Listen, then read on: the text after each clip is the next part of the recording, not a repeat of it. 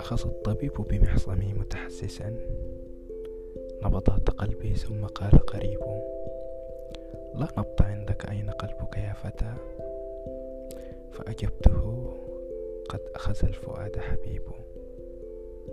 عبد ابتسامته وقال تجيئني؟ اذهب إليه فما سواه